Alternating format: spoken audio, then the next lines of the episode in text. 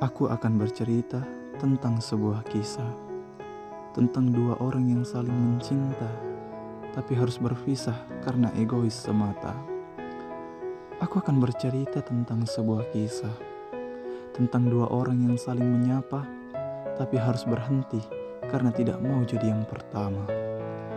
Aku akan bercerita tentang sebuah kisah tentang dua orang yang selalu duduk bersama, tapi harus berjarak karena sebuah kata-kata. Aku akan bercerita tentang sebuah kisah tentang dua orang yang punya visi sama, tapi harus berseberangan karena tidak bersama. Aku akan bercerita tentang sebuah kisah tentang dua anak muda yang ingin bersama, tapi tidak seumur di hari tua.